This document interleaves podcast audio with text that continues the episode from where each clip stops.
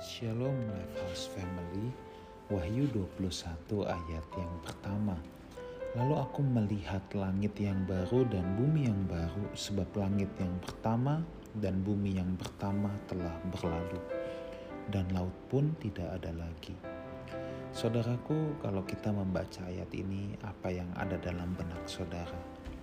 Pasti tentang akhir sejarah dunia Tentang kiamat, tentang kedatangan Kristus untuk yang kedua kalinya Saudara, pada tanggal 28 Oktober 1992, tepatnya pada jam 1 dini hari, diyakini oleh segelintir orang yang mempercayai bahwa Yesus akan datang, dunia akan kiamat. Saudara, orang-orang yang mempercayai hal-hal seperti ini, ini bukan baru pertama kalinya di tahun 92 itu. Dalam sejarah sudah berulang kali ya orang yang meyakini, yang mencoba menebak-nebak kapan Yesus akan datang.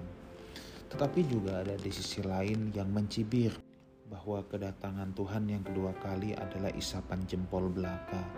Dunia kiamat adalah isapan jempol belaka. Sudah hidup hari ini saja. Sudah kita jangan mau ditakut-takuti oleh kedatangan Tuhan. Saudara, sejatinya begini. Memang tidak ada seorang pun yang tahu akan kedatangan Tuhan tetapi bukan berarti Tuhan tidak datang. Alkitab juga berkata, Tuhan tidak lalai menepati janjinya. Memang akan tampil pengejek-pengejek ya menurut 2 Petrus 3 yang berkata, mana kapan Tuhan datang, kapan Tuhan datang, katanya mau datang, tapi nggak datang-datang. Memang akan ada banyak pengejek seperti itu, tetapi itu bukan berarti Tuhan lalai menepati janjinya. Tapi sebaliknya juga, kalau untuk Sebagian orang yang hobi dengan kiamat akhir zaman banyak yang takut menghadapi hal itu. Saudara, dengar baik ini. Kiamat akhir zaman apa pun namanya itu yang jelas Kristus pasti datang untuk yang kedua kalinya. Tetapi sebagai orang percaya kita tidak perlu takut akan hal itu. Kita tidak perlu khawatir akan hal itu. Justru hal itu menjadi sebuah sukacita bagi kita, sebuah penghiburan buat kita.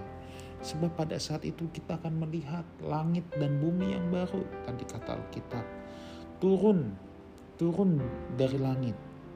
Dan hari itu adalah hari kengerian untuk orang yang tidak percaya. Tetapi untuk orang percaya, untuk anak-anak Allah, bahwa itulah hari kemenangan, itulah hari kebenaran ditegakkan dan dinyatakan ya. Oleh karena itu orang yang menderita karena ketidakadilan ya, karena yang mau baik, jujur dan benar malah jadi sengsara. Saya hanya dapat katakan gini, bertahanlah ya. Sebab semua penderitaan dan pengorbanan itu tidak akan sia-sia. Tetapi bila mana harinya datang, itulah akan menjadi hari sukacita bahwa Kristus akan memberikan kemenangan bagi orang-orang yang mengasihi Dia. Kepercayaan akan kedatangan Kristus yang kedua kali sejatinya memberikan peringatan kepada mereka yang sekarang ini hidup semena-mena, sewenang-wenang, mentang-mentang berkuasa, ya, bahwa kita harus menyadari kekuasaan tidak kekal, kekayaan tidak kekal, dan suatu saat kita akan duduk menghadapi kursi pengadilan Allah. Persoalannya bukan di kekuasaan, di kekayaan, tetapi kalau kita menggunakan itu dengan semena-mena, jelas kedatangan Yesus kedua kali sebagai hakim yang agung akan membawa kengerian.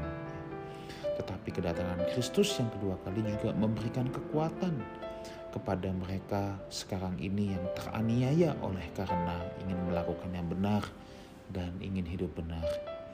Kiamat pada satu pihak memang mengerikan sebab hal itu merupakan kehancuran dunia yang lama. Tetapi ini bukan akhir cerita saudaraku. Akhir zaman kedatangan Kristus yang kedua kali adalah malapetaka bagi yang jahat tetapi kebebasan bagi yang benar. Dengan demikian Saudaraku, Life House Family, kenapa kita harus resah? Kenapa kita harus gelisah? Yang perlu kita lakukan adalah mempersiapkan diri kita. Justru mestinya kekasih-kekasih Tuhan merindukan kedatangannya. Tuhan Yesus menyertai kita semua. Amin.